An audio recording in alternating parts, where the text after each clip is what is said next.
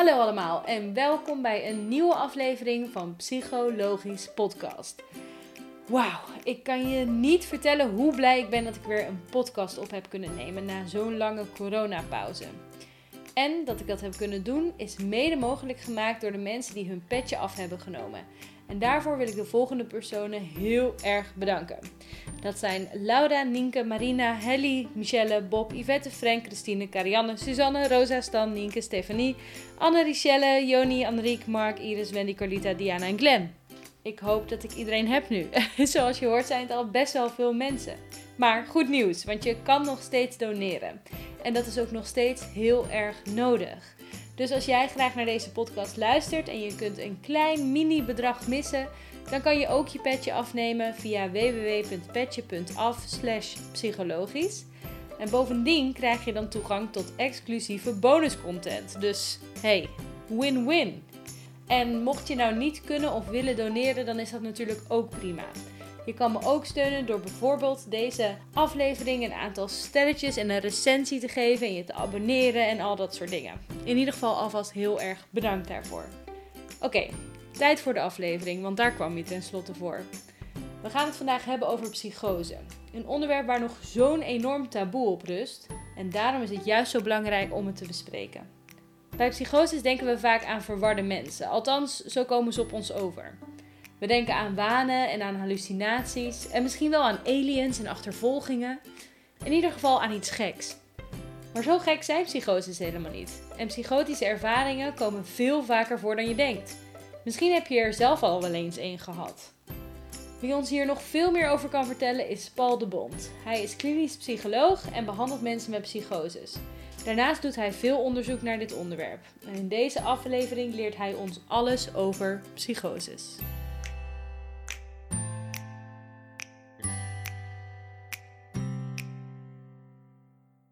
Oké, nou, welkom Paul. Ja, dankjewel. Wat leuk dat je er bent en uh, wat fijn dat je tijd vrij kon maken om uh, over, met mij in gesprek te gaan over psychoses. Ja. Um, wil je jezelf even voorstellen? Nou, ik ben Paul de Bond. Ik ben uh, klinisch psycholoog. Ik doe ook behandelingen en onderzoek. Um, en werkzaam binnen de GGZ Oost-Brabant. Langdurig binnen de groep van mensen die al hele lange, langdurige klachten hadden, onder andere van psychose. En op dit moment meer met uh, de groep van mensen die een risico lopen of al wat milde klachten hebben van psychose-achtige aard. Dat zijn mijn werkzaamheden. Ja, dus eigenlijk psychose is een specialiteit, mag ik dat zo zeggen? Ja, psychose en trauma. Oké. En de combinatie en de combinatie. Daar gaan we het straks vast nog over hebben. Maar misschien goed om te beginnen met wat is een psychose nou precies? Wat is een psychose precies? Een psychose ehm, wordt beschreven aan de hand van het soort klachten of problemen of verschijnselen die mensen kunnen ervaren. En dat zijn, als je het helemaal kijkt naar de, uh, de handboeken, dan zou het gaan om uh, het hebben van zintuigvoorstellingen die er mogelijk in het echt niet zijn. Dus dat je dingen ziet die er mogelijk niet zijn, dingen hoort die er misschien in het echt niet zijn en die anderen ook niet horen. Uh, dus dat is één kenmerk van uh, psychose. Het tweede kenmerk is dat mensen er opvattingen op nahouden waarvan anderen denken, ja, dat kan niet, dat klopt echt niet. En waar mensen toch stellig in geloven en waar mensen de, de, ook erg veel mee bezig zijn, er veel tijd mee kwijt zijn en er ook vaak bang van worden of in verstrikt raken de wanen, zoals het dan heet. Ja. Um, dus dat is een tweede uh, ja, symptoomgebied. Derde is dat er verwarring kan optreden bij mensen, verward gedrag, verward denken. En dat ja, misschien wel goed om meteen daarop aan te vullen dat die verwarring is eigenlijk voor de omstanders verwarrend. Want voor uh, de persoon zelf hoeft het helemaal niet verwarrend te zijn. Nee. En is het volkomen logisch dat hij zich zo gedraagt. Alleen de buitenstaanders begrijpen niet wat er in hem of haar omgaat. En die snappen dus het gedrag ook niet. Nee. En dat heet dan verward. Ja. Maar soms is het uh, normaler dan je denkt. Maar niet als je niet weet wat er gaande is. Dus dat is een, een, een belangrijk uh, symptoom. En daar komen dan vaak dingen bij. Um, uh, motivatieproblemen, dat iemand niet meer goed op gang komt, is een probleem wat erbij kan komen. Uh, stemmingsontregeling, depressief worden of juist heel erg opgewonden en, en, en ja, ontremd of, of super vrolijk en, en, en, energierijk worden. Ja. De stemmingscomponent, depressie of manie. Soms problemen met het denken, geheugen, lukt allemaal niet meer zo goed. Uh, denken loopt niet soepel meer, gaat in horten en stoten of in de war. Dus daar zijn dan problemen mee. Ja. Nou ja, zo zijn er een aantal problemen, maar die hallucinaties, die wanen en dat verwarde gedrag, dat zijn wel de centrale begrippen waarmee psychose beschreven wordt. Ja, dus dat is eigenlijk, als we het dan, hè, om samen te vatten, wanen, hallucinaties, misschien desorganisatie, om het een term te geven, dat zijn een beetje als je het in het jargon wil gooien, dan heet het desorganisatie, ja. maar verwarring. Uh, dat is wat uh, de mensen kennen of herkennen als verward gedrag eigenlijk, ja. Maar hoe ontstaat zo'n psychose dan? Gaat dat langzaam? kan dat plots ontstaan? Uh, ik weet dat ze zeggen elke psychose is anders, klopt dat? Maar er zal misschien wel iets van een rode draad in te vinden zijn. Um, nou, hoe het ontstaat, um, is echt uh, gruwelijk veel onderzoek naar gedaan. En er is in ieder geval niet één oorzaak dat dat meteen uit de wereld is. Ja. Het is een mix van uh, risicofactoren die mensen in een bepaalde mate meer of minder kunnen hebben of meemaken, ja. die de kans op het krijgen van een psychose vergroot. Ja. Dus je kan denken aan uh, allerlei levenservaringen, traumatische levenservaring, uh, migratie, wonen in de grote stad, uh, leefstijldingen als drugsgebruik, alcoholgebruik, erfelijke kwesties, heeft een betrekkelijk gering aandeel bij de meesten, maar kan wel een rol spelen. Ja. En uh, bepaalde denkbeelden die mensen over zichzelf en de wereld altijd al hadden, ook verder voordat ze in een psychose terechtkwamen. Al die elementen uh, kunnen meespelen en het risico vergroten op een psychose. Slecht slapen kan een risicofactor zijn. Ja, stress uh, misschien Stress, acute stress, ja. uh, het meemaken van iets heel naars... waardoor mensen ineens over de rand gaan en een psychose ontwikkelen. Dus de oorzaak van psychose die is heel veelzijdig. Een mix van risicofactoren die maakt dat een kans op psychose toeneemt. Ja. En dan de tweede vraag die je stelde van hoe snel gaat dat nou? Is dat een kwestie van dagen, weken, maanden? Nou, dat komt allemaal voor. Dus er zijn psychosen die bijna onmiddellijk ontstaan binnen een paar uur of een dag. Mm -hmm. Maar dat is een minderheid, dat komt voor, maar is zeker niet uh, hoe het meestal gaat. Um, er zijn uh, onderzoeken naar gedaan en de meeste psychosen die hebben, laten we zeggen, maanden nodig om tot tot volledige wasdom te komen. Ja. En dat begint dan eigenlijk met helemaal niet zo direct psychotische klachten, maar met slaapproblemen, concentratiemoeilijkheden, niet lekker in je vel zitten, ontevreden zijn over jezelf, een beetje argwaan naar anderen, naar fijn, of andere ervaringen met, met, uh, met je zintuigen waarvan je denkt, er klopt iets niet, ik zie of hoor iets, ik weet niet wat het is. En dat bouwt zich in de loop van maanden dan uit. En dan komt er ergens een soort tipping point, een omslagpunt. Moet daar een trigger voor zijn? Nee, dat hoeft niet. Dat okay. kan. Er zijn uh, uh, zeker onderzoeken die ja, laten zien dat als er dan iets, ineens iets naars bijkomt, een gebeurtenis, dat ja. dat dan het laatste zetje is. Maar dan is dat proces eigenlijk al weken of maanden aan de gang. Ja. En dan komt er een moment, uh, misschien een, uitgestrekt over nog steeds dagen of weken hoor, dat zeg maar de twijfel van wat is er toch gaande? En uh, klopt het wel? En uh, omslaat in een bepaalde zekerheid, een echte waan. Van nou weet ik het zeker, ze zitten achter me aan, ze willen me vermoorden. Of nou weet ik het zeker, ik word bezeten door een geest. Of ze willen me doodmaken. Of ehm, ik besta eigenlijk helemaal niet. En dan is eigenlijk de waan en de psychose daar. Ja. Dus meestal maanden. En bij sommige mensen blijkt uit onderzoek, duurt het ook jaren. Heel langzaam bouwt zich dat verder uit. En dan op een goede dag moet je zeggen, ja, dan is er eigenlijk een volledige psychose. Ja. Is het dan ook belangrijk dat het duidelijk ook invloed heeft, uh, een beperkende invloed op het leven van iemand, op dagelijks functioneren? Dat is eigenlijk de definitie, zou je kunnen zeggen.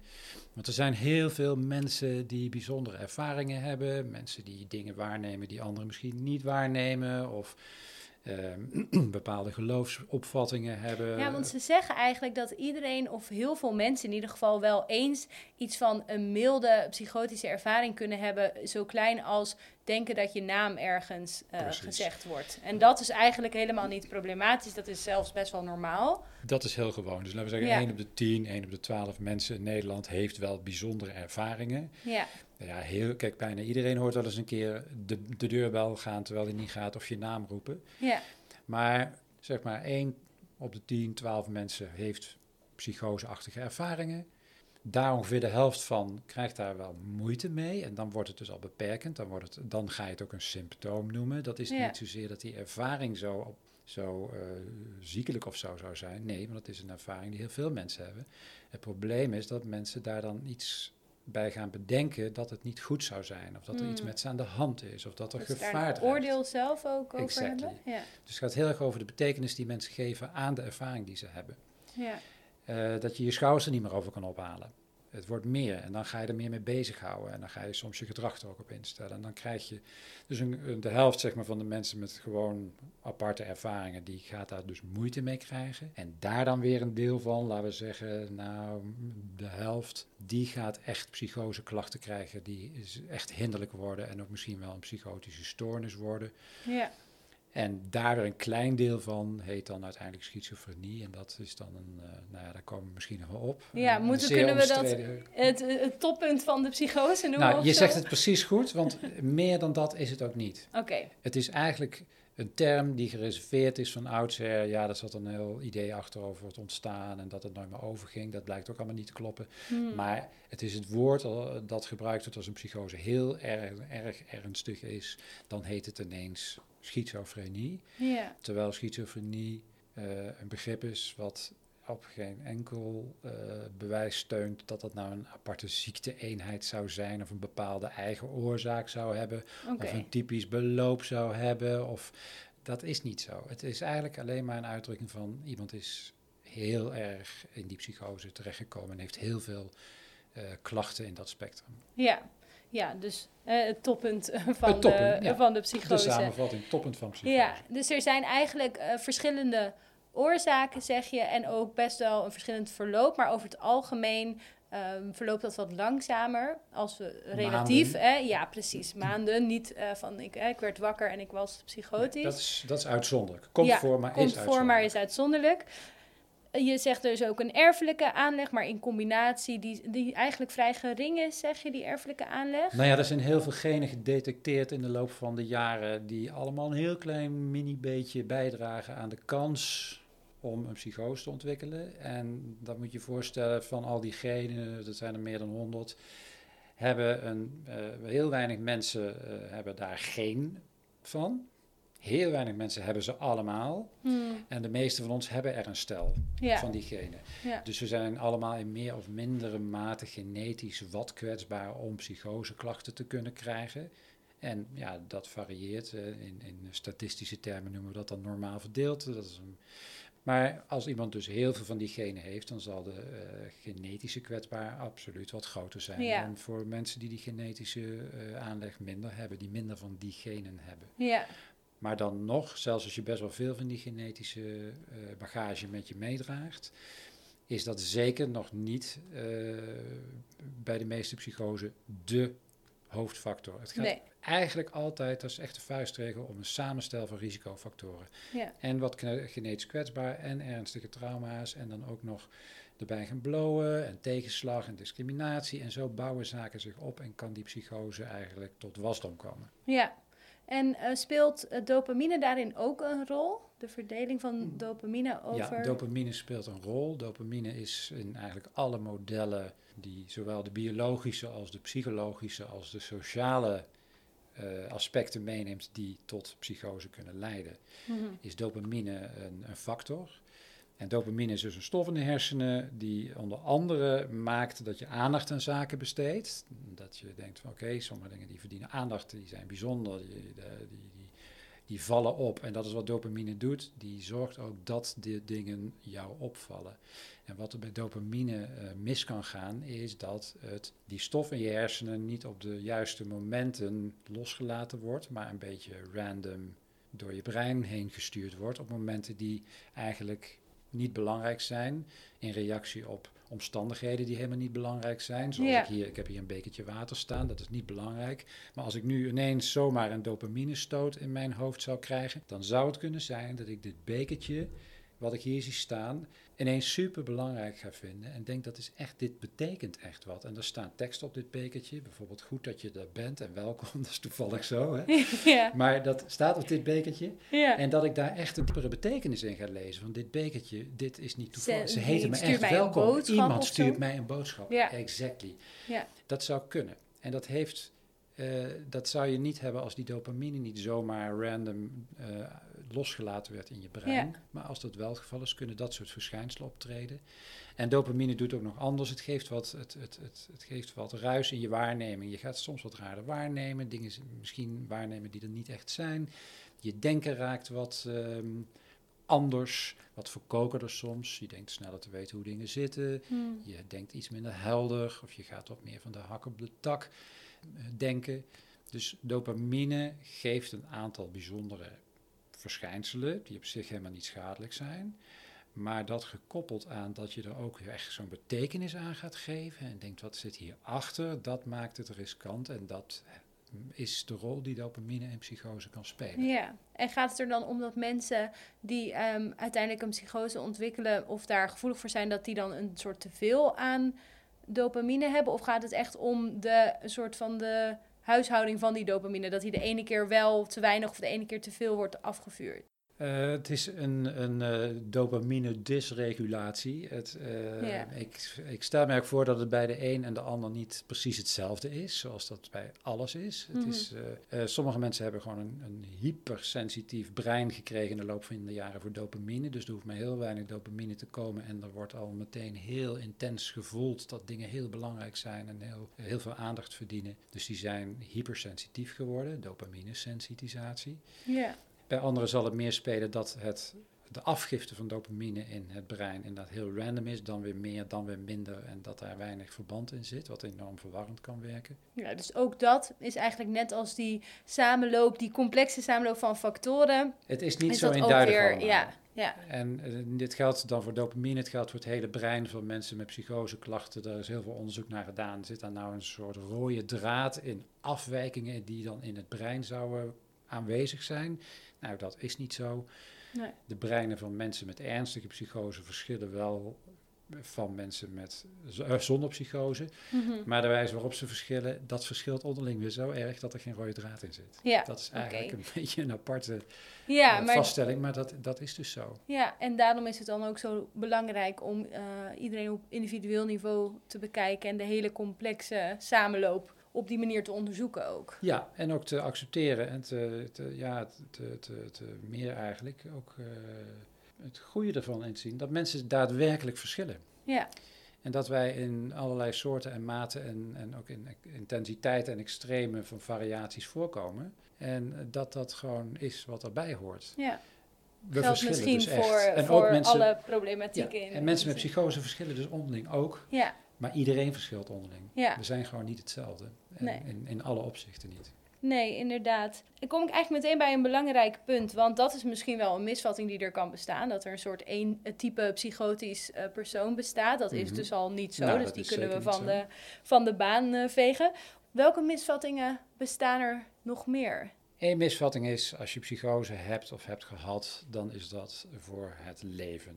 Dus eh, je bent eigenlijk gedoemd van, eh, van begin af aan. Als je dat Mhm. eenmaal krijgt, kom je er nooit meer vanaf. Nou, dat is niet zo. Een, een, een aanzienlijk deel van mensen met psychose herstelt, gaat weer functioneren, heeft een gezin, heeft werk en doet de dingen. Eh, da- dat is dus niet blijvend. Er is een deel wat inderdaad altijd problemen blijft houden, in de zin van beperkingen, maar ook die groep kan gedeeltelijk herstellen. Dus Ja. één mythe is, het is voor altijd en het komt nooit meer goed. Ja, volgens mij is het zo ongeveer, maar eh, correct me if I'm wrong, maar Ja. dat eh 40% uiteindelijk echt symptoomvrij is. En dan 40 tot 50 wel klachten blijft houden, maar ehm, niet in die intensiteit dat ze compleet het functioneren beperken. Eh, en dan hè, nog het overige deel, die blijft wel echt chronische psychotische symptomen houden. En dan nog eh, gaat het ook over kwaliteit van leven. Dus ehm, eh, is best wel een ingewikkelde vraag eigenlijk. Wanneer is iemand nou beter of eh, wanneer gaat het nou beter? Mhm. Heeft dat ermee te maken dat iemand per se een bepaalde waan niet meer mag hebben? Dus het idee dat hij door een bepaalde groep wordt achtervolgd, terwijl dat misschien niet werkelijk zo is. Of gaat het over of iemand weer meedoet in de samenleving, of dat iemand weer activiteiten heeft? Mhm. Of moet die waan nou weg? Dat is best wel belangrijk hoe je nou kijkt naar herstel. Ja. En naar tussen grote aanhalingstekens beter worden. Eh, Betekent dat dat je moet zijn zoals de rest? Nou, niet per se toch? Dat, daar Maar kan je- hoe zie jij dat? Als Nou, je dat zegt hoeft- van moet die waan bijvoorbeeld weg? Want Nou, de als ik denk aan klachtenvrij, dan denk ik oké, eh, dat betekent dan dat er geen psychoses meer ja, zijn. nou, dat is dus eh, niet zoals er in de psychologische behandelingen tegenwoordig gewerkt wordt. Ja.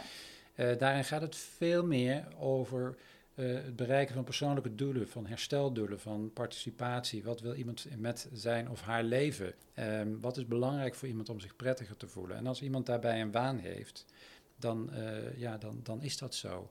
ja. Vaak is het zo dat mensen last hebben dat zij zo ontzettend veel met die waan bezig zijn, met de inhoud ervan, of er ontzettend bang van worden. En dan is dat iets waar je wel aan wil werken, dat iemand zich daar minder door laat beperken. Maar misschien houdt die iemand voor de rest van het leven nog steeds de overtuiging dat er daar en daar mensen zijn die, als ze hem tegenkomen, hem zouden willen vermoorden. Dat kan. Dat komt ook voor dat die waan blijft bestaan. Ja. En dat toch de mate waarin iemand ermee bezig is, minder is geworden, de angst ervoor afgenomen is en iemand toch weer nieuwe dingen heeft ontplooid.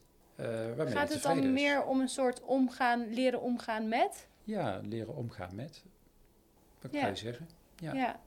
Oké. Jezelf ook eh, weer ruimte geven om te onderzoeken ehm, of de mate waarin de overtuigingen die je hebt jou beperken, of dat wel helemaal zo beperkend moet zijn, of Ja. dat het misschien toch net anders is, waardoor je weer meer mogelijkheden hebt. Ja, precies. Dus de focus is, ligt helemaal niet zozeer op je moet af van al die waanbeelden en ook- hallucinaties. Nee, en ook hallucinaties. eh, Mensen houden hallucinaties en why not? Er zijn ontzettend veel mensen die hebben hallucinaties. Mhm. Of hallucinatieachtige ervaringen. En die hebben daar misschien nooit een probleem mee gekregen, omdat ze er niet bang van werden. Of nou, er zijn allerlei redenen waarom je daar wel of geen problemen mee kan krijgen. ja. Maar die gaan we ook niet zeggen, hé, hey, eh, ja, je bent dolgelukkig, maar je hoort een stem en die stem die moet eraf. ja. Hé, waarom? Nee, als het functioneren Als gaat dat gaat, volgens gaat dat. eh, op de manier waarop die persoon dat wenst, dan gaat het in principe goed. Dan gaat het oké, Ja. prima. Eh, Ja. dat, dus dat is die variatie. Mensen hoeven niet allemaal hetzelfde te zijn. En de een is weer anders dan de ander. Ja. Dus het, het accent in behandelingen, vanuit psychologisch perspectief althans, ligt veel minder direct op het verminderen van de psychose zelf, die, maar veel meer op het verminderen van het lijden daaraan en de beperkingen die het je geeft in je dagelijkse leven. Ja, oké. dus dat is in ieder geval één eh, misvatting, is dat een psychose eh, eigenlijk altijd blijft bestaan. En ook dat mensen met psychoses geen normaal leven kunnen leiden. Die kunnen eigenlijk prima leren om een normaal leven te leiden. Ja, tenminste een, een flink deel wel. Niet allemaal zullen, eh, Mhm. zal dat lukken of zullen daar even tevreden over zijn. Moet ook wel reëel zijn, maar Ja. dat is in ieder geval het streven. Ja. Dat is in ieder geval de intentie. En een aanzienlijke groep eh, ervaart dat ook. Ja. Ja. ja. Een andere misvatting die je wel eens hoort is eh, dat mensen met psychose gevaarlijk zijn. Ja, dat Moeten we meteen was de vanaf? volgende op mijn lijstje ook. Oh, Oké. Eh, psychose is gevaarlijk. Ja, daar kunnen we kort over zijn. Die, die link, dat, die kan je gewoon gelijk de prullenbak in gooien. Ja.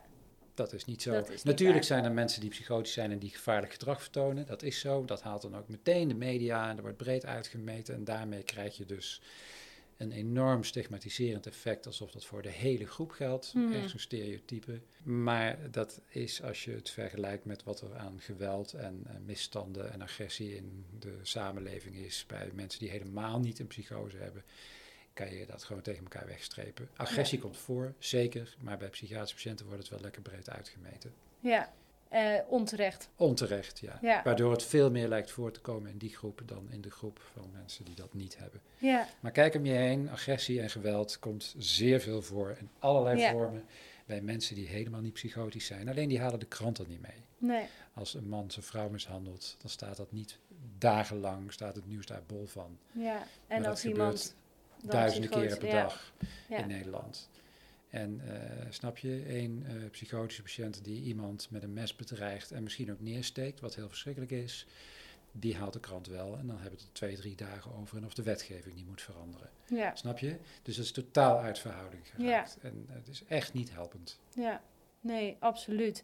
Ehm, als we het dan toch over stigma hebben, Ja. vind ik altijd in deze podcastserie een heel belangrijk onderwerp, omdat het doel van deze podcast is dat we daar een beetje van afgaan. Ja, Ehm. Waar krijgen mensen met eh psychoses mee te maken? Waar zit het stigma? Daarin dus, in het, Nou, de verwachting dat ze gevaarlijk zijn. En eh, dus eh, ja, gevaarlijk, komt nooit meer goed. ja, je, je bent gek, je bent gestoord, je bent idioot. Het zijn natuurlijk termen die voor je zelfgevoel enorm schadelijk zijn. Mhm. En die ook eh, binnenkomen alsof het een permanent karakter heeft. Jij bent hè, zo, je bent gestoord. En niet eh, de nuance. In plaats van je gedraagt je vreemd nu ja, je bijvoorbeeld. gedraagt je vreemd of je hebt een moeilijke periode gehad dat je in de war was. Want dat is zo. Dat, eh, Ja. dat kan iemand zelf ook wel eh, zo eh, natuurlijk ervaren. Maar het gaat dan dus verder, dan wordt het een soort identiteit. En eerst komt dat van buiten, maar dat komt ook op een gegeven moment van binnenuit. Dat mensen dat zelf doen. Dus dan krijg je het zelfstigma. En het is ook heel invoelbaar ehm, dat op het moment dat je, en zeker achteraf, je realiseert dat je niet goed meer kon denken, dat je waarneming niet meer klopte, dat je er niet meer goed op kon vertrouwen, dat er dingen zijn gebeurd waar je de grip niet meer op had op dat moment, dat je enorm aan jezelf gaat twijfelen en ook niet meer zeker kunt zijn over wat voel ik dan, wat denk ik dan en klopt het wel. En dus het is echt een enorme aanslag Ja, eh, bij ernstige psychosen op eh, het vertrouwen in jezelf. ja, Dus dat helpt mee om ook jezelf te stigmatiseren en een beetje in een hoekje te kruipen en niet meer zoveel te durven, omdat het vertrouwen zoeken is. ja, een voorbeeld van zelfstigma, even ter illustratie, is eh, dus eh, zelfstigma is stigma wat je over jezelf heb, he- hebt. En dat kan bijvoorbeeld zijn van, eh, hè, ik heb een psychose gehad of ik ben psychotisch en daarom eh, kan ik niet werken. Dat, heb je dan, dat idee heb je een beetje geïnternaliseerd. En Ja. daarom ga je bijvoorbeeld misschien ook niet op zoek naar werk, omdat Exact. je denkt, ja, dat ga ik toch niet kunnen. Ja. Ja, Je raakt ontgoocheld. ja. En dan krijg je dus, zeg maar, eh, toenemend faalervaringen, dingen lukken niet, je durft het niet meer aan en dat stapelt zich dan op. En op een gegeven moment raakt iemand, eh, als het eh, erg is, echt helemaal gedemoraliseerd. Ja. En zegt, zie je wel, ik kan ook niks en ik ben ook niks. En dan heb je dus een zelfstigma en waarom zou ik nog iets proberen? ja, Het heeft toch geen zin. Ja. En eh, dat, is een, eh, nou, dat is wel echt een risico, waarbij dus zowel de eh, reacties van buiten als de reacties die mensen zelf soms hebben, op elkaar inwerken. En, Ik kan me zo bijna versterken. voorstellen dat, het, dat dat nog meer belemmerend is dan een bepaalde fase in die psychose.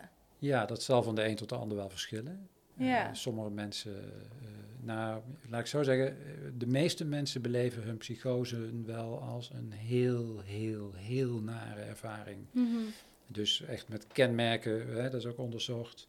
Echt met kenmerken van traumatische ervaringen. Dus zo indringend en zo ont, ontwrichtend. ehm, dat het een, een hele lange, diepe indruk maakt. Ja, Dat je, dat je je zo gevoeld hebt, of de dingen die je gezien hebt en gehoord hebt in jouw psychose. En we hebben het wel echt over de erge psychose. Hè, want ja, in dit verhaal. Want er zijn veel meer mensen die veel minder erge psychoseklachten hebben. dan dat er mensen zijn met hele erge psychoseklachten. Dus de groep is heel groot. ja, maar die hele de erg- erge psychotische Ja, klachten hebben natuurlijk de grootste impact. ook. Ja, dan, dan raken mensen daar natuurlijk echt van onder de indruk. Dus Ja. mensen die echt psychose achter de rug hebben, zeggen driekwart zegt van dat was gewoon traumatisch. Ja. Dat heeft me echt enorm geraakt. Nou ja, ik, het is toch vreselijk dat als je dan en zo'n periode, zo'n psychotische periode hebt doorgemaakt, wat dus zo intens traumatisch en verschrikkelijk is, maar dat die hele nasleep daarvan dan ook nog eens vreselijk is. Met misschien wel eh, stemmingsklachten, depressieve Ja. klachten, ehm, schaamte, schuldgevoelens Ja, en dat stigma. Dat stigma van anderen, maar ook van jezelf. ja, dus de weg terug, als je eenmaal in de eh, psychose bent terechtgekomen, ja, dan zien de zaken er helaas wel meteen eh, moeilijker uit. Want dan gebeurt er heel veel. eh, je, de interactie met andere mensen is verstoord. Misschien vervreemd je mensen van je. Misschien mensen snappen er niks van. Er gebeuren rare dingen. Het werk lukt niet meer. eh, Of je bent gestopt met werken. Dat moet allemaal weer opgebouwd worden. Dus dat kost gewoon tijd. En sommige dingen gaan heel snel stuk, maar gaan niet zo, worden niet zo snel gerepareerd. Zo is het helaas. En ehm, daar zit veel tijd in. Is het vaak een heel lang traject? Het verschilt, maar het is altijd een langer traject dan wanneer we er op tijd bij zijn en er iemand zeg maar geholpen kan worden die wel al psychische problemen heeft, maar nog niet in die psychose zit, maar daar een beetje tegenaan begint te hangen. Dus het is eigenlijk hoe eerder, uh, Hoe- hoe, hoe eerder, hoe beter. vroeger je erbij bent, hoe Ja. beter de prognose. Ja, absoluut. Ja. En klopt het dat je daar onderzoek ook naar hebt gedaan?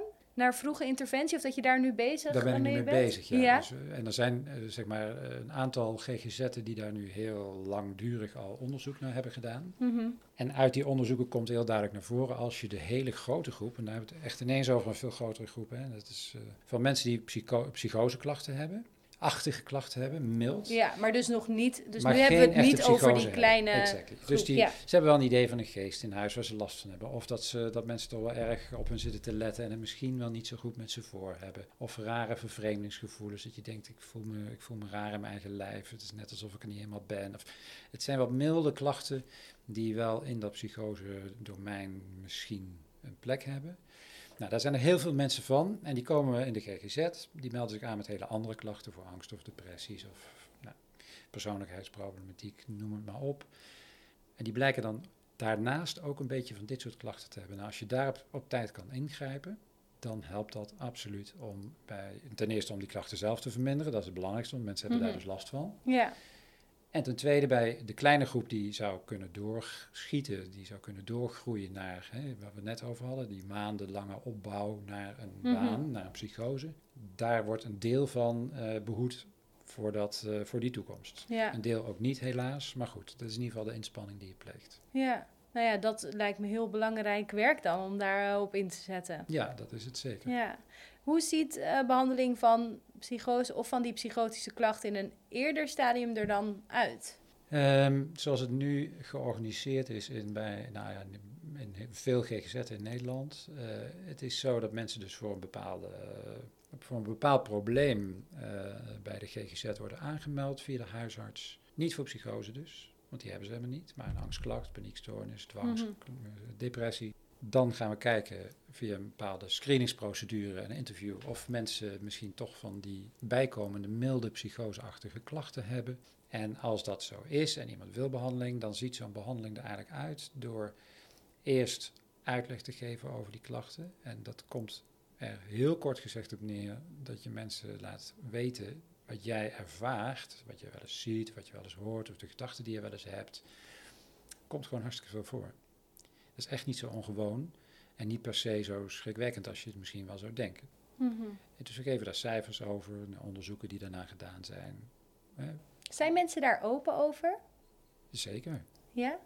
Nou ja, omdat ik me voor kan stellen dat bij bepaalde waanbeelden, of dat ze, hè, als ze dat dan hardop zeggen, dat ze, en zeker als nog milde klachten zijn. Het zijn dus nog geen wanen.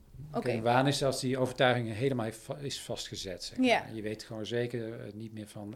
eh, je weet zeker, ze, gaan me vermoorden. Dat is de, me- de meest voorkomende waan, is een paranoïde waan. Mensen hebben echt de intentie om mij kapot te maken, te vergiftigen, te vermoorden, wat dan ook kwaad te doen. Ja. Maar het voortraject, het prodroom, het, eh, hè, Mhm. wat eraan vooraf gaat, dan is dat helemaal niet zo uitgekristalliseerd. Maar dan gaat het om een gevoel van, weet je, ik ga naar mijn werk en ik krijg de laatste tijd het idee dat mijn collega's, als ik weg ben, dat ze gewoon uh, maar zitten uit te lachen. Ik vind het heel vervelend. En volgens mij, eh, ja, ja, doet mijn baas dat eigenlijk niet ook. Want die keek me laatst ook al zo raar aan. Dus er begint iets te borrelen van, hmm, achterdocht. ja. Er is helemaal geen waan nog. En iemand snapt ook wel, misschien klopt het nog wel niet. Maar ja, ik Maar het begin het toch wel te wel. voelen. En ik ja. begin het ook wel te denken. En ik zie er eigenlijk steeds meer aanwijzingen voor. Ja. Nou, dat is eigenlijk het juiste moment om al in te grijpen. En te zeggen, joh, achterdocht is eigenlijk ook heel gewoon. Komt ontzettend veel voor. Er zijn ook onderzoeken naar, gewoon wetenschappelijke onderzoeken naar. Hoeveel mensen hebben wel niet paranoïde ideeën over elkaar. Over hoe het gaat in de wereld. Over de politiek. Ja, over van alles en nog Nu ook over Nu ook. corona. Exactly. Dus Ja. zo ongewoon is het niet. Ja. En laten we nou eens kijken, en dat is eigenlijk stap 2, na, na die uitleg over de ervaringen die mensen kunnen hebben. Dat je zegt van oké, maar hoe zit het dan bij jou? En dan ga je een, eh, een, een, zeg maar, gegevens bij elkaar verzamelen. Van hoe, hoe denk je dan over dingen? Hoe kijk je dan naar collega's? Wanneer, wa- in welke situaties loop je dan die gedachte op dat ze het misschien op jou voorzien hebben, dat ze jou niet moeten? Zijn er ook nog andere manieren waarop je daar naar kan kijken dan hoe jij er naar kijkt? Zit daar dan ook wat in? Kunnen we dat misschien ook uitproberen of een beetje uittesten hoe mensen dan inderdaad over jou denken? Het zou kunnen kloppen, hè? er zijn mensen met collega's die ze uitlachen. Mhm. Het komt voor.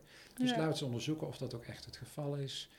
Nou, zo ga je eigenlijk kijken of de opvattingen die iemand heeft, het gevoel wat iemand erbij krijgt, in de werkelijkheid mm, helpend en kloppend is. Ja, gaat En- het dan om het in vraag stellen van die achterdocht? Ja, En zeker. daar eigenlijk ook bewijzen of tegenbewijzen voor vinden? Ja, en je gaat tegelijkertijd, want dat is wel echt een essentieel element van de behandeling, je gaat de, het feit dat iemand dat toch is gaan denken, ook proberen te verbinden aan wat iemand in zijn of haar leven eigenlijk allemaal is tegengekomen aan gebeurtenissen. Dat heb je het over opvoeding, naar gebeurtenissen, dingen op straat, op school.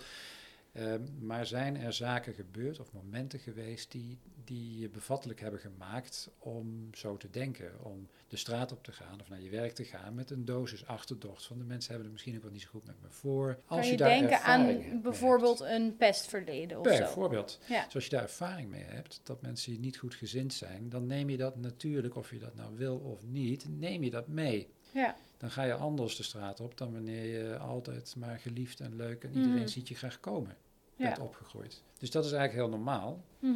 En dan kunnen er omstandigheden ontstaan dat dat vuurtje wordt, ja, dat er olie op het vuur komt en dat het sterker wordt en nog sterker wordt. En Ja. dan krijg je die risicofactoren die met elkaar komen als je dan ook nog gediscrimineerd wordt. En dan ga je denken van, eh, nou ja, fuck it, eh, ik trek me terug en je gaat bijvoorbeeld beginnen te blowen. En dan eh, krijg je nog eens een aanvaring met een, iemand, je zit, woont in een studentenhuis en je krijgt ruzie met een, een, iemand op de gang daar. Dan kunnen dingen gaan escaleren Ja. in het denken. Van zie je wel, zie je wel, zie je wel. Ja, en op het moment dat die ehm, psychotische klachten echt heel sterk aanwezig zijn, of als er al een psychose is, wat is dan de aanpak van jullie bijvoorbeeld? Ja, dus de eerste aanpak eh, voordat het zover is, die is eigenlijk relatief vrij kortdurend. Er niet heel veel sessies, ook geen medicatie, dat is ook, geen, geen, eh, is ook niet geïndiceerd, ook volgens de richtlijnen niet. Maar wel dat je er aandacht aan besteedt. Het is Ja. effectief en het, het spaart ook op den duur veel kosten uit voor de gezondheidszorg en de samenleving, eh, omdat mensen weer snel beter gaan functioneren. Ja. Als die psychose er eenmaal is, dan gaat er eigenlijk een hele waaier open aan mogelijkheden. Waarover eh, zeg maar de richtlijnen iets zeggen en waarin ook iemand zelf iets te beslissen heeft, Mhm. eh, als het goed is. En dan heb je het over medicatie. Dus antipsychotische medicatie, daar zijn allerlei vormen en maten voor. Is het medicatie die dan ook inspeelt op die dopamine Ja, huishouding waar Ja, we het eerder over niet hadden? alle, maar heel veel wel. Oké, Ja. Ja. Maar ook eh, medicatie die iets doet aan de prikkelgevoeligheid in zijn algemene. Dat je iets minder snel onder de indruk raakt van dingen die op je afkomen. Denken wat rustiger maken.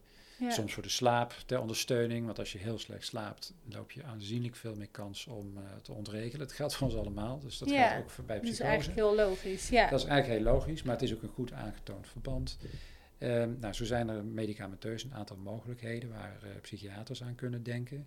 De psychologische behandeling is eigenlijk ehm, hetzelfde als bij het voorstadium. Mhm. Maar omdat de, de, de ervaringen zich verdiept hebben en de betekenissen die die ervaringen voor iemand hebben ja, verankerd zijn. Ze weten zeker dat ze bijvoorbeeld van buitenaf aangestuurd worden door een demon of dat er mensen hun willen vermoorden Mhm. of wat dan ook. Die ideeën zijn overtuigender geworden en dan kost het gewoon veel meer tijd om daar weer onderzoek naar te kunnen doen, om te kijken waar iemand dan met name onder lijdt, hoe iemand zich zou kunnen en willen ontwikkelen en kijken hoe je de moed en de inzet kunt vinden om daar dan stappen in te zetten ja. en te onderzoeken of dat dan kan, of er alternatieve verklaringen En dan is het zijn. dus niet eh, volgens mij de bedoeling dat als iemand binnenkomt met die echt die, die psychose en die wanen en eh, die hallucinaties, dat je daar meteen tegenin gaat en zegt: nee, dat is allemaal niet waar. Dat Nee. verzin je. Nee. Dat, eh,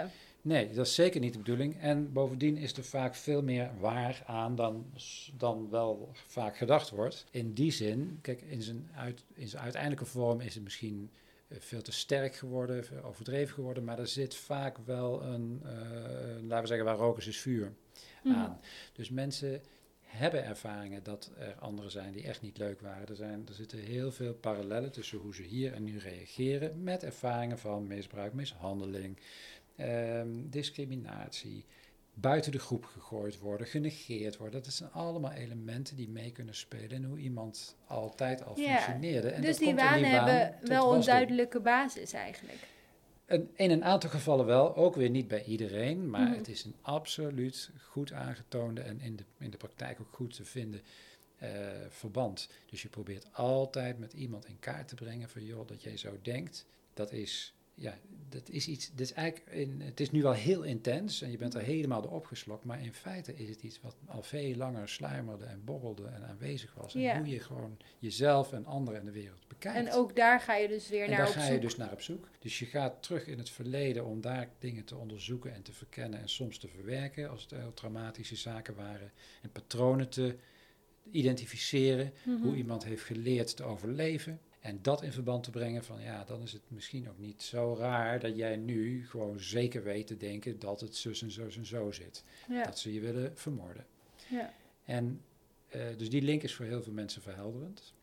En dan is er ook nog iets anders wat ook normaler is dan je misschien wel zou denken. ehm, laat ik het zo zeggen, als je in de bus zit en je wordt op de een of andere manier getroffen door de zekere overtuiging dat op dit moment mensen die daar in, met jou in die bus zitten jouw gedachten kunnen horen, dan ga jij je raar voor de buitenstaander gedragen. Want je gaat misschien wel eh, ja, je oren af zitten sluiten. Want je denkt het geluid komt uit mijn oren, ze horen het. Of, of, je, wil, of je gaat je achter je haren verbergen. Want je, wil, je probeert iets te doen om te zorgen dat die gedachten Mhm. er niet uitgaan. Dus je ziet ineens iemand in de bus, zie je raar doen. Maar eigenlijk is het helemaal niet raar, want iedereen die zeker weet dat jouw gedachten hardop voor iedereen mee te krijgen zijn, die gaat zich zo gedragen hoor. Dat is heel normaal. Ja. Dat is echt heel normaal. En Ja. dat jij het schaamrood op je kaken krijgt, is ook normaal. En dat jij bang wordt, dat is dan ook normaal. Dus het enige abnormale is dat jij die, dat idee hebt dat dat zo werkt. Ja. Dat mensen dat kunnen. En Ja. de rest zijn eigenlijk normale reacties op die opvatting. Nou, dat is ook helpend dat iemand je dat vertelt. Dat Ja. het veel minder gek is aan wat jij zit te doen dan wat er vaak gezegd wordt. Ja, je bent deze zo gek? Ja. Maar eigenlijk is het zo gek nog niet. Nee. En ik kan me ook nog wel voorstellen dat het dan wel een soort kettingreactie is op het moment dat iemand zich op een voor ons als buitenstaander dan vreemde of aparte manier gaat gedragen. Dan gaan mensen meer kijken en zich meer richten op die persoon. Juist. En dan krijg je Ja. dus een escalatie, zeg maar, of een Ja. opstapeling. Want dan vlucht iemand op een gegeven moment die bus uit. En dan gaan mensen zitten nakijken en dan valt het nog meer op. Zo gaan dingen soms erger worden. Ja. Terwijl het begon met maar één ding. Een overtuiging die zo sterk was dat je je er niet aan kon onttrekken. Mhm. Die misschien niet klopte. Maar die vervolgens een reactie eh, gaf bij jou, die dan ook wel weer heel erg logisch en begrijpelijk is ja. die je zelf ook zou hebben als je die gedachte had gehad. Ja, inderdaad. Ik had het toevallig eh, vanochtend eh, nog met mijn moeder over, die ook wel geïnteresseerd was hierin. Mhm. En ze zei, ja, maar hoe gaat dat dan? Ik zeg, ja, Mhm. ik heb het zelf nooit meegemaakt, dus ik kan het je niet precies vertellen. Maar ik zei, je moet je voorstellen dat als wij tegenover elkaar zitten, of wij zijn met elkaar in gesprek en jij hoort mij gewoon praten, jij ziet mij zitten, Mhm. Ehm, en dan zegt iemand anders tegen je dat dat niet zo is. Nou ja, dan denk je ook van hallo, dat, Ja. dat klopt gewoon. Ja. Dus zo'n overtuiging, omdat onze zintuigelijke waar, nee, de prikkels die wij binnenkrijgen, dus wat we zien, wat we horen, wat we ruiken, wat we proeven, wat we voelen, dat nemen we eigenlijk altijd voor waarheid aan. Want dat is de informatie die we Hebben. binnenkrijgen, die we hebben. Ja. Ja. Dus als jij het idee hebt dat je zo'n zintuigelijke prikkel krijgt, bijvoorbeeld iets hoort of iets voelt of iets ziet, Ja. dan neem je die voor waarheid aan. Ja. Ja. En dan is het natuurlijk heel gek als iemand anders zegt: Nee, maar je bent niet met je dochter in gesprek. Nou, en nou wat jij nu beschrijft, want dit is een heel goed voorbeeld. Wat je nu beschrijft is in het beginstadium, voordat iemand een psychose echt ontwikkelt, zou het zo kunnen zijn dat hij dingen hoort waarvan hij zelf denkt, ja, ik hoor het wel echt, want dat is ook zo. Maar ik weet niet of het in de buitenwereld ook echt er was. Dan heeft iemand die twijfel nog. Ja, Of soms weet iemand van het klopt eigenlijk niet. Maar ja, ik hoor het wel, dus die raakt een beetje in de war. Die ja, heeft er last van. In de psychose komt het zover dat het bij een aantal mensen althans zo is van... nee, die stemmen zijn echt, die komen van buiten. Er is iets of iemand, een kracht of een macht of een instantie buiten mij... die mij toespreekt. ja, Dat kan iemand zijn die je kent, die je via op een magische manier jou toespreekt... of iemand die je niet kent, eh, maakt niet uit. Maar dan is het een feit. Ik hoor het, dus er is buiten mij wat. ja, Maar in dat eerdere stadium is dat dus nog een twijfelgevalletje voor mensen. Van ja, het is wel raar, dat klopt iets niet. Dus het het verschuift. ja. En Het wordt steeds intenser eigenlijk. Ja, bij een aantal. Hè. De meeste Ja. niet, maar bij een aantal mensen wel. En die gaan dus door in de psychose. Ja. En dan is die behandeling, hè, wat je zei, eh, deels ehm, wordt er gebruik gemaakt van medicatie, maar die is ook gericht op het eh, verleden van iemand. De psychologische behandeling is op verleden en het koppelen van verleden aan heden en begrijpen van de klachten, normaliseren en eh, ja, heel langzaam ontdekken hoe iemand daar minder onder kan lijden, onder Mhm. de v- dingen die hij ervaart. Maar bij psychose komen heel veel andere dingen. Je moet ook zo kijken of mensen weer aan het werk willen en kunnen. Dus je hebt dan individual placement en support, oftewel trajectbegeleiding. In ieder geval zorgen dat er misschien werkzaamheden gevonden worden. Mensen moeten soms geholpen worden hun huishouden weer op orde te krijgen, hun dagen weer te structureren. Ja, Dat weer in de vingers te krijgen als het eh, niet anders is. Dan moet het, het gezin of de familie of de naasten moeten, eh, als het goed is, erbij betrokken worden om ja. uitleg te geven, maar ook om na te gaan hoe ga je samen bepaalde dingen eh, oplossen, hoe, hoe moet je bepaalde dingen begrijpen, eh, hoe kan je het beste met elkaar omgaan, wat zijn wensen over en weer. ja, want het behoud van die sociale rollen is heel belangrijk. Hè? Extreem belangrijk. Ja, Ja. want klopt het dat mensen daar soms ehm, een beetje het contact mee kwijtraken? Misschien omdat ze zich op een eh, moeilijke of lastige, vervelende manier hebben opgesteld ten opzichte van anderen, omdat er een soort kloof is ontstaan, Zeker. omdat hun buitenwereld het niet kan begrijpen, hun, hun systeem misschien of hun omgeving. Ehm, nee, en in een bepaalde fase misschien ook nog niet eens weten van psychose of dat helemaal niet kennen en dat dus ook niet herkennen, eh, waardoor er misschien al, al ja, flinke barsten kunnen komen in dat contact. Ja, bij psychose is het heel vaak zo dat de omgeving en, en, en dan in eerste instantie de directe naaste met de handen in het haar zitten. Het gewoon niet meer snappen, iemand niet meer kunnen bereiken soms. Eh, voor hele vreemde, in hun ogen, eh, terecht ook in hun ogen vreemde situaties komen te staan. Ook eh, crisisachtige situaties Ja. eh, soms. Dus dat kan heel heftig zijn. En daarom is het ook van belang om familie erbij te betrekken. Daar zijn er programma's voor die eh, ook in de richtlijnen staan dat je dat gewoon doet. ja. Dat gebeurt lang niet altijd, maar het hoort wel.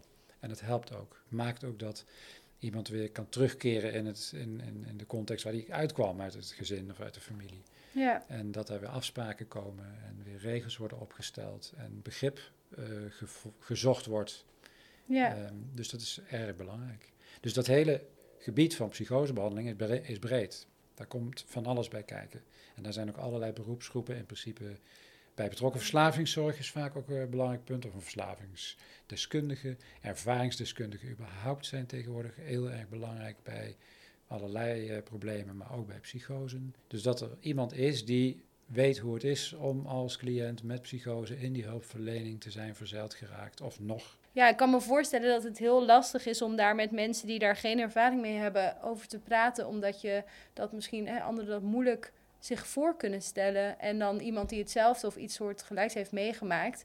Ja, daar kan je natuurlijk enorme herkenning en erkenning bij vinden dan. Ja. En dat wordt nu in de behandeling meestal ook wel betrokken. Dat wordt. Ik, ik, heb, ik heb geen cijfers hoeveel dat in Nederland gebeurt, maar ik weet dat heel veel eh, teams die zich bezighouden met psychosezorg in Nederland, met dat eh, heel veel organisaties in die teams eh, mensen in dienst hebben, ervaringsdeskundigen, ervaringswerkers.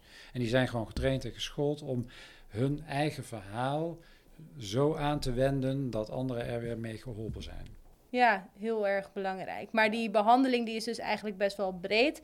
En het eh, belangrijke er misschien om van te onthouden, vooral is dat er behandeld kan worden. Hè? Dat, Ja. Waar we het eerder al over hadden, die misvatting dat iemand voor eens en altijd psychotisch is, dat is Ja. dus niet waar. En nou is het, dit klinkt echt super fantastisch natuurlijk. Het kan behandeld worden, het wordt ook behandeld. Maar de waarheid is ook, of eerlijk eh, moet je ook zijn, nu één, twee jaar geleden vanuit de Vereniging voor Cognitieve Gedragstherapie onderzoek gedaan onder de psychologen en met de vraag, ja, hoeveel van die in principe beschikbare behandelingen worden dan ook daadwerkelijk in de praktijk eh, uitgevoerd? Op de juiste manier, in de juiste dosering. Dus niet dat je Mm. na drie sessies stopt of zo, maar dat het, ja, dan schrik je je toch wel een hoedje. Ja, Want dan blijkt dat er dus een enorme eh, inhaalslag te maken valt in formatie aan psychologenuren die er eh, beschikbaar is in organisaties hiervoor. Mhm. De formatie is gewoon veel te klein, er moeten veel meer psychologenuren bij. Eh, veel psychologen besteden hun tijd ook aan andere dingen, of ze zijn toch niet genoeg geschoold om dit goed te doen, of de therapieën die ze geven, die duren te kort. Eh, nou ja, er zijn allerlei factoren en zonder ja, te beschuldigen of wat dan ook, maar de, de, de, de, de realiteit is dat het een heel stuk meer en beter kan. ja. Ja. En dan hebben we het specifiek over de behandeling van mensen met psychose. psychose. En dan zal er, en daar ben ik minder in thuis bij de psychiaters, dus dan moet je iemand, een psychiater voor een iPod, eh, eh, voor een, ehm, Een podcast. een podcast, ja. voor een podcast vragen. Eh er, schort zeker ook het een en ander aan medicatiebeleid. ja. Een van de dingen, en dat, nou ja, ik ben dus geen psychiater, maar dat durf ik er hard op te zeggen. Een van de dingen die er echt heel vaak fout gaan, is dat er snel, snel naar medicijnen wordt gegrepen en dat ze niet meer worden afgebouwd. ja. En dat geeft de boodschap impliciet dat het dus iets is voor altijd, die psychose van jou. Ja. Hè? Dus we altijd moeten doormediceren om maar te zorgen dat het eh eronder blijft. En ik, ik kan me heel goed eh, vinden in de noodzaak, of nou de noodzaak niet, maar wel in dat medicatie in acute fase, dus als die psychose Mhm. uitgebroken is, dat dat echt helpend kan zijn om rust te herstellen en balans weer te vinden en de situatie weer voor alle partijen werkbaar te maken en doenlijk te maken. Dat is absoluut zo. ja. Maar om er daarna maar eindeloos mee door te gaan, wat ik echt uit ervaringen he- heel Nou, veel die ben kan prima afgebouwd worden, toch? Nou, je moet het proberen. En je kunt het Ja. in onderhandeling gooien met, de, met, met elkaar. Van wat gaan we ermee doen? En er zijn nu ook heel veel studies over gaande. Maar doe dat, probeer dat. Omdat er zoveel bijwerkingen zitten aan die medicijnen. Eh, dat is echt niet gering. Het geeft Nee. allerlei klachten van psychische en somatische aard. En dat kan soms de moeite meer dan waard zijn. Maar je moet wel kijken, hoe lang is het nodig? Ja, daarmee wordt denk ik heel veel ellende bespaard. En de- ik bedoel, er zijn ook psychiaters die dit helemaal zo doen, maar er zijn er ook, weet ik, uit de teams waar ik gewerkt heb, het komt ook echt voor dat het helemaal niet gebeurt. ja. Dus zowel eh, voor de psychiater en psychologen die behandelen, ligt wel ook nog een hele grote taak in de zorg voor mensen met psychotische klachten. Ja, en ik denk, maar dat weet ik niet uit onderzoek, zoals bij de psychologen, maar ik denk bij de psychiaters ook. Want als ik kijk naar de psychiaters met wie ik in de loop van de jaren gewerkt heb, en dat zijn er nou ja, 25 denk ik, in de psychosehoek, dat op een bepaalde manier hun takenpakket zo overspannen is en zo volgeladen is.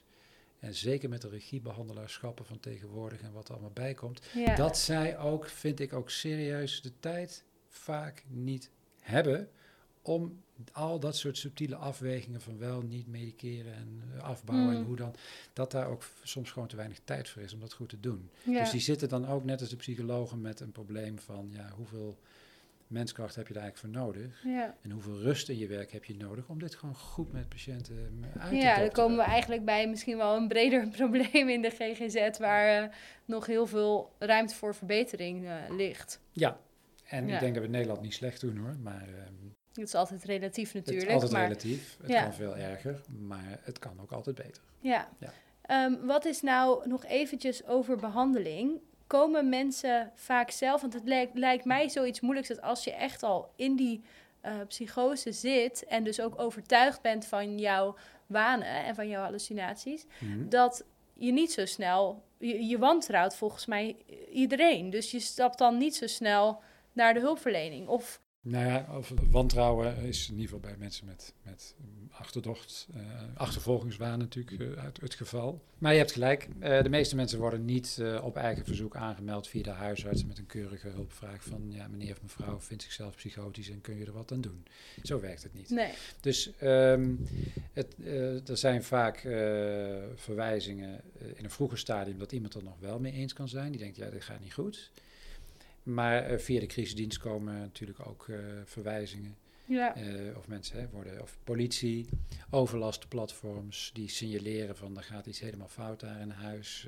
Er zit iemand in huis en die zit veel te schreeuwen bijvoorbeeld. Ja. Wat voor de buitenstaanders nogmaals verward gedrag is Ja. voor de persoon in kwestie die misschien hallucinaties heeft van mensen die zijn huis binnendringen. Heel normaal dat je ze eruit schreeuwt. Mhm. Zou je zelf ook doen. Rot op, wegwezen, dit en dat. Ja. Dus eigenlijk heel begrijpelijk gedrag, maar voor de buitenwacht niet eh, te doen, zeg maar. Dan komt via politie of woningbouwverenigingen of komen mensen in beeld. En dan wordt de GGZ ingeseind, hetzij met politie en opnames en dwang.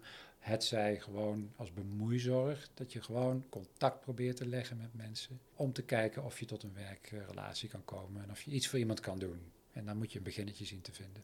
Ja, maar het lijkt me complex om, eh, om op zo'n manier te starten wel. Zeker als, wat je zegt, als er politie bij komt kijken of het is... eh, ja, Ja, maar gelukkig zijn er om, ook veel mensen toch ook nog in de GGZ die dat juist leuk vinden. Ja, Dat soort complexiteit. Die Ja. dat graag doen. Ja. En die ook niet anders gewend zijn. Dat, dat je gewoon met z'n allen moet optrekken om eh, samenhangend eh, ja, toch een aanbod te gaan doen. Ja. En te kijken of je iemand eh, verder kan helpen.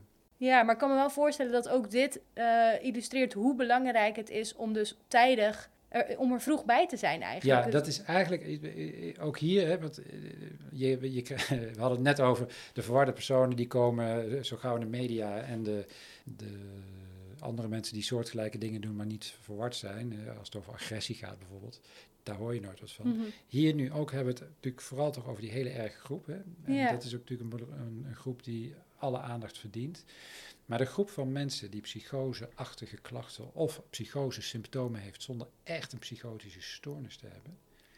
Maar in combinatie met eigenlijk allerlei andere soorten Mhm. problematiek, die groep is veel groter. Ja, En daar valt heel veel te voorkomen en te verhelpen. ja. Dat is echt super belangrijk. En die komen misschien wel eh, op eigen initiatief met bijvoorbeeld depressieve klachten, Exactly. angstklachten. Dat ja. is het.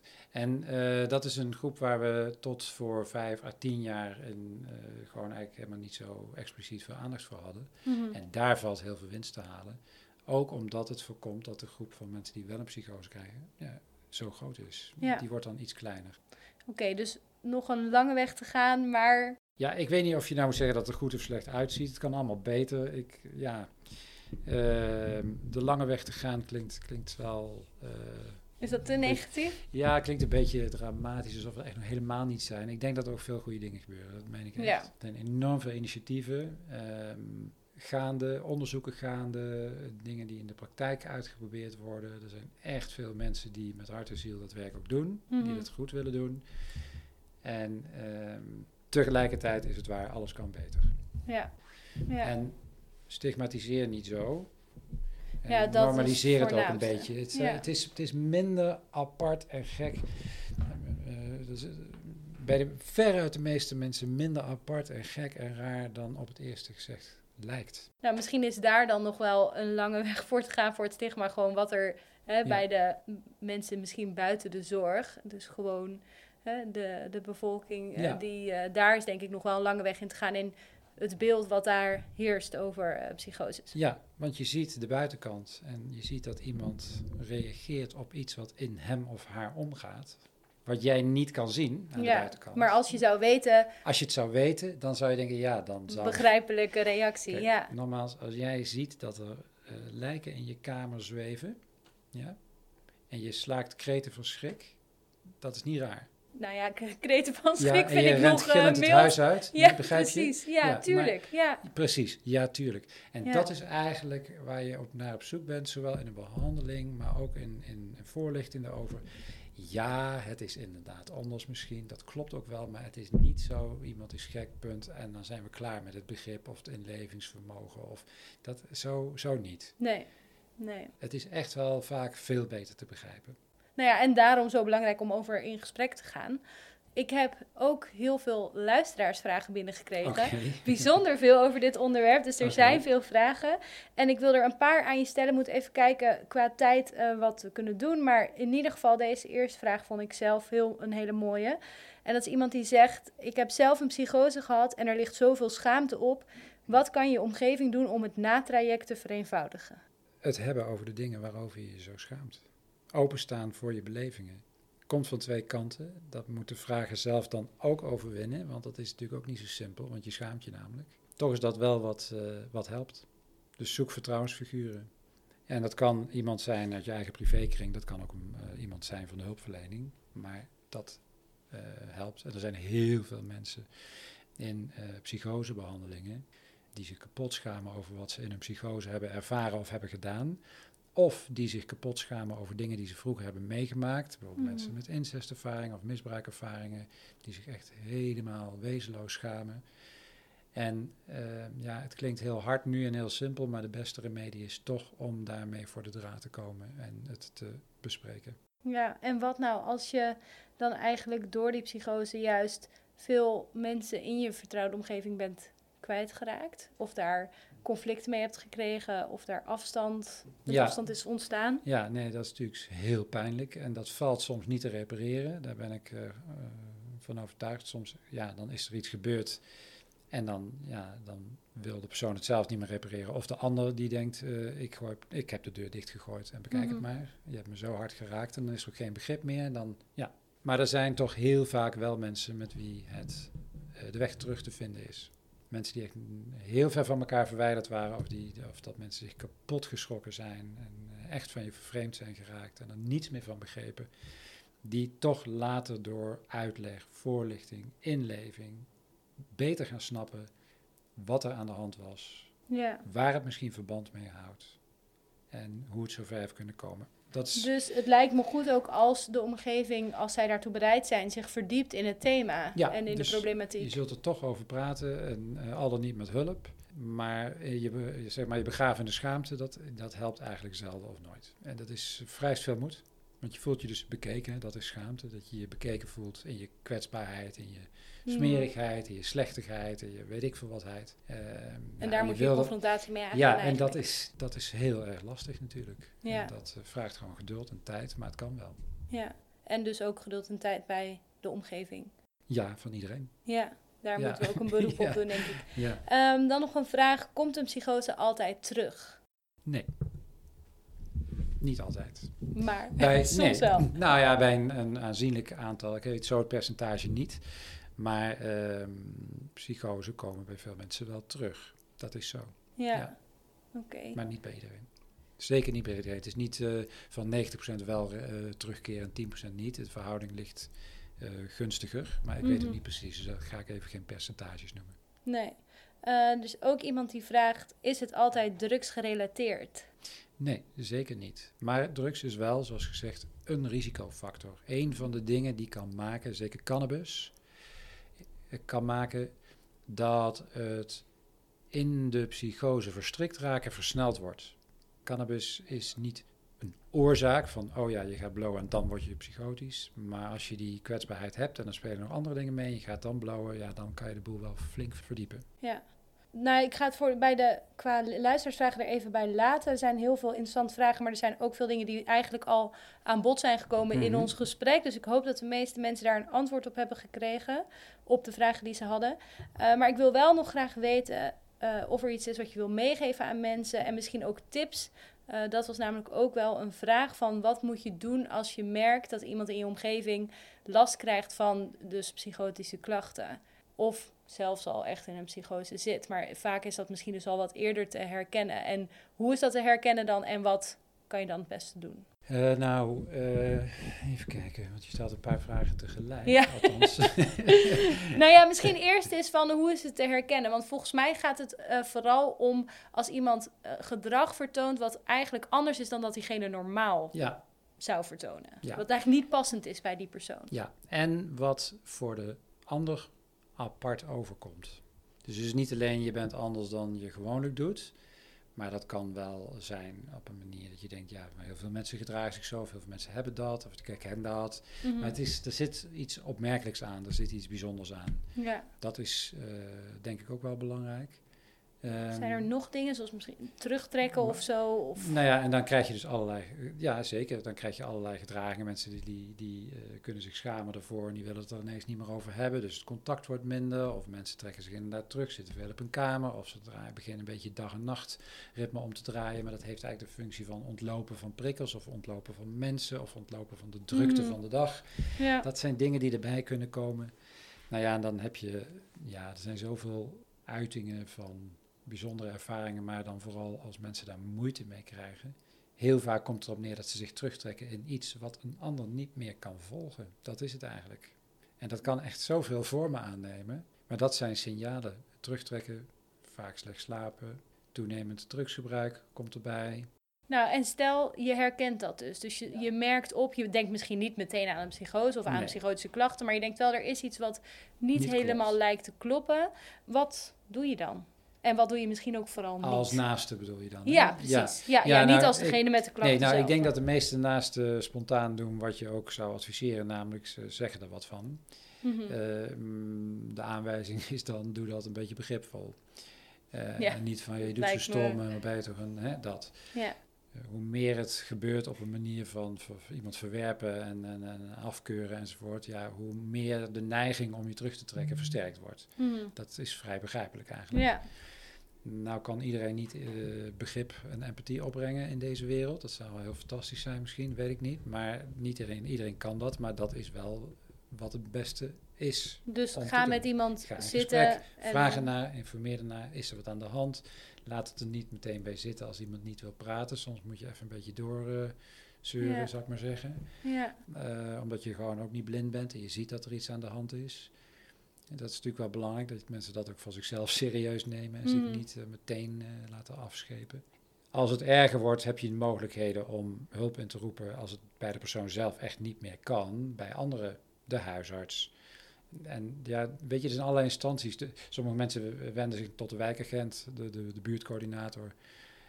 Ja, en dat je? is echt aan de bel trekken. Dan ga je echt ja. aan de bel trekken als je echt denkt, zou je fout. eerder zelf nog eh, die persoon motiveren om hulp te zoeken? Uiteraard, uiteraard. Ja. daar begint het mee. Van, Ja. goh, eh, als we er samen niet uitkomen, ga eens zelf naar de huisarts, vraag eens om een doorverwijzing. Misschien kan er iemand je helpen. Eh. Je hoeft hier niet meer rond te lopen. Er zijn meer mensen die dit hebben, maar ja, dat is iets wat de meeste mensen echt niet weten en zich ook niet realiseren. Nee. Dus dat is moeilijk. Nee, maar het is misschien sowieso wel goed, ondanks dat je er dan niet zoveel kennis van hebt, maar om het gewoon wat te normaliseren en te Ja. zeggen het is oké dat je dat denkt Ja, of dat je dat voelt. En laat je misschien maar helpen. Tuurlijk misschien, is dat... eh, en ik wil best met je meegaan, bijvoorbeeld, of ik wil je erbij steunen. Nee, dat zijn hele goeie. Je geeft dus meer dat- tips dan ik nu. nou, dat valt wel mee volgens mij. Maar ik denk dat dat dus eh, belangrijk is om te onthouden. Dus ga eh, op, een, op een respectvolle en ehm, rustige manier dat gesprek aan. Besef je ook. En dat, nou ja, niet iedereen weet dat natuurlijk. Maar hopelijk de mensen die de podcast nu luisteren wel. Is dat de, de denkbeelden die zijn dus eigenlijk... Of het gedrag als reactie op wat die persoon denkt is dus normaal. Dus Ja. ga ook niet zeggen van... eh, oh, je bent zo raar, je bent zo anders, je gedraagt je zo vreemd. Maar weet je, in het beginstadium is het vaak helemaal niet zo duidelijk dat iemand dat soort ervaringen heeft. Als je kijkt naar die eh, groep van die hele milde eh, klachten, die dus eigenlijk veel meer last heeft van hele andere dingen. Die denken, ik ben zo depressief, ik ben zo angstig, of ik voel me gewoon niet lekker. Nou, fijn, die daarvoor hulp zoekt. Daarvan heeft de omgeving vaak helemaal niet door dat er ook nog van die andere klachten meespelen. Hmm. Omdat dat toch meer een drempel is om te benoemen. Ja. En als je dan die mensen binnen de GGZ door die screeningsperiode eruit vist. En je gaat die vragen stellen van heb je wel eens dit en heb je wel eens dat en ervaar je het ook wel eens zus of zo. Mhm. Dat ze dan nou inderdaad, maar dat heb ik inderdaad. Dan vraag je, maar is, is daar ook eerder naar gevraagd? Ja, dat is niet zo. Heb je dat uit jezelf verteld? Nee, dat is ook niet zo. En dat is iets algemeens. Als je mensen niet vraagt naar specifieke belevingen, komen ze soms niet eens op het idee om te melden dat ze het hebben en dat dat misschien belangrijk is. Mhm. Want dat weten ze niet. Nee. Maar ze hebben het wel. Nee, dus in die eerdere fase is dat misschien niet eens zo herkenbaar voor Nee. de buitenwereld. Later, dan wordt het, als het wel zichtbaar wordt, dan wordt het ook voor de omgeving eh, meer een probleem. En dan Ja. krijg je het soort gesprek waar we het net over hadden, dat je zegt van, nou, ik maak me zorgen, we kunnen hulp gaan zoeken, ik wil wel met je mee, enzovoort. Ja, dus daarin gewoon wel respect voor diegene hebben, maar wel echt aanzetten tot, eh, ja, tot professionele hulp. Ja, Ja. zeker. en dat, die Ehm, hulp kan heel kort zijn in dat stadium nog. ja, Ja, Ja. dat is het mooie ervan. Het is, soms een kwestie van een paar, paar gesprekken. Dat helpt al. Of, of tien, weet je. Dat is, eh, we nou dat is over- dus wel goed nieuws. Ja, dat is echt goed nieuws. Ja, Ja. dat is absoluut goed nieuws. Dus in dat beginstadium is het ook niet heel ingewikkeld en heel zwaar en heel dit en dat. Dat Nee. valt reuze mee. Maar het helpt wel. Nou, mooi. Is er nog iets wat je mee wil geven aan Ehm, luisteraars? Nou, er zit een. een ehm, we hebben het al gehad over schaamte. En eh, ook iets waar ik in de afgelopen jaren eh, veel mee bezig ben geweest. Een onderzoek met een aantal collega's. Is ook de rol van trauma, eh, traumatisering in psychose. Mhm. En we weten dat er een aanzienlijke groep is van mensen die psychoseklachten hebben, die echt heel veel nare dingen hebben meegemaakt. En ehm, dat werkt ook door in die psychose. Dus de stemmen die ze horen, de hallucinaties die ze hebben, de mensen die ze voor zich zien, dat zijn misschien mensen met wie ze ooit te maken hebben gehad, of die heel erg lijken op daders van toen. Mhm. En die doen ook dezelfde soort dingen in hun hallucineerbeleving als de mensen van toen. Eh, of achterdocht gebaseerd op mishandeling. Dat je gewoon ook weet dat je mensen om je heen hebt gehad die jou naar het leven stonden en je wel hadden kunnen vermoorden. Dus wat ik wil meegeven is dat die groep mensen die dan luistert naar eh, deze podcast, weet dat we ook op dat terrein enorme winst hebben geboekt door uh, de combinatie te maken van psychosebehandeling met traumabehandeling. Dat het een helemaal ingrijpt op het ander en dat we dat dus ook als een geheel gaan behandelen. Ja, is dat iets nieuws? Nou, dat is redelijk nieuw. Ja, het, het, echte nieuwe is er inmiddels een paar jaar weer vanaf. Maar het is zeker nog relatief nieuw en in de wereld is het zeker nog niet overal uh, dat men dat doet. Nee. Want en eerder Nederland was loopt het... daar wel behoorlijk in voorop. Oké, want eerder was het idee dat uh, gaat niet bij mensen nee, met Nee, nee, tot, tot voor helemaal niet zo lang geleden, een jaar of tien, weet ik veel, geleden en daarna ver terug, was het totally not done om traumabehandeling te doen met mensen met psychose. Sowieso was psychotherapie not done bij mensen met psychose, omdat mensen met psychose werd gezegd, die zijn zo kwetsbaar en die zijn zo prikkelgevoelig en die zijn zo raar en gek en gestoord. Dat is allemaal veel te gevaarlijk en dan worden ze hartstikke psychotisch of ze eindigen in de separeren of ze doen een suïcidepoging. In ieder geval narigheid. Dus er waren enorme verwachtingen van schade die je zou toebrengen door die psychotherapeutische behandelingen. Inmiddels, inmiddels weten we, is gewoon onzin. Klaar. Ja, is gewoon onzin. Het tegenovergestelde is het geval. Echt het tegenovergestelde. Ja. Niet iedereen, dat is nooit, maar heel veel mensen met die combinatie van ernstige traumatisering in de voorgeschiedenis en psychoseontwikkeling, die kunnen heel goed juist geholpen worden. Die combinatie van psychologische behandeling die en op de psychose ingaat en op de trauma's die erin meespelen en Mhm. de klachten die daarvan bestaan. En het helpt juist wel om te herstellen. Zelfs ook van die psychose uh, kun, Ja, dus kun je eigenlijk herstellen. Behandeling eh, van het helpt juist trauma wel. Het helpt ook sterker. voor de psychose. Exactly. Ja. En dan heb je daarnaast nog het stuk wat heel specifiek gaat over die stem. En hoe moet je dat nou zien en hoe zit dat? En ja. die, die psychose hoeft niet eens helemaal over te gaan, maar de last en de lading van die traumatische invloed erop. Je kan je voorstellen als jij echt mishandeld bent, je bent in elkaar geslagen, je- dat als jij een achtervolgingswaan ontwikkelt, ja, dat heeft iets met elkaar te maken, want Mm. je hebt er toch ervaring mee. Dus als je die de motor vanuit het verleden, dat mensen niet te vertrouwen zijn, omdat je dat gewoon ervaren hebt, als je die kan verwerken, dat mensen daar een wat andere blik op krijgen, dat er ook mensen zijn die misschien wel te vertrouwen zijn, dat de wereld niet alleen maar gevaarlijk is, dan zie je dat die paranoïdie van de waan ook wat inzakt. Dat er meer ruimte komt vervolgens om dat verder uit te werken. En of het dan helemaal verdwijnt, nou ja, dat zien we dan wel weer. Maar wat ik dus wil meegeven is voor die groep in het bijzonder, dat we daar de laatste vijf à tien jaar echt een behoorlijk grote slag geslagen hebben om die behandeling beschikbaar te maken. En als iemand zich daarin herkent, dat hij ook gewoon bij de GGZ mag aankloppen en zeggen: Ja, maar wacht eens, wacht eens even. Ik heb ook gewoon heel veel nare shit meegemaakt. Waar ik mee zit en waar ik over droom en dit en dat. En ik wil daar ook aandacht voor. Vraag om behandeling. Overwin die schaamte en vraag om behandeling. En dat heeft weer met schaamte. Dus psychote, in een psychose kan je beschamende dingen doen die moeilijk zijn om over te praten. Maar traumatische herinneringen zijn vaak ook beschamend. Omdat Ja. mensen het zichzelf toerekenen dat zij dit hebben laten gebeuren of zich niet verzet hebben of niet weggevlucht zijn. Weet duizend en één dingen. En het zijn ook eh, zijn walgelijke dingen gebeurd en dat maakt dat mensen zich schamen. Punt. Al konden ze er helemaal niks aan doen. Kom maar mee. Ja. Nou, het is mooi eh, om mee af te sluiten, denk ik. Ja, Ja? ja. Oké. Als, als, als, Nou ja, Als je hebt vast zegt. nog veel meer te vertellen, maar dan eh, kunnen we nog eh, tien afleveringen Nee, opnemen. nee, ik, eh, nee dit, dit was, eh, je vroeg me wat zou ik nog willen, eh, wat zou ik dan nog uit mezelf willen toevoegen? Nou, dat was dit. Oké, nou Paul, hartstikke bedankt Graag gedaan. voor alle informatie om, en eh, inzichten. met je te praten. Ja, dankjewel. Oké.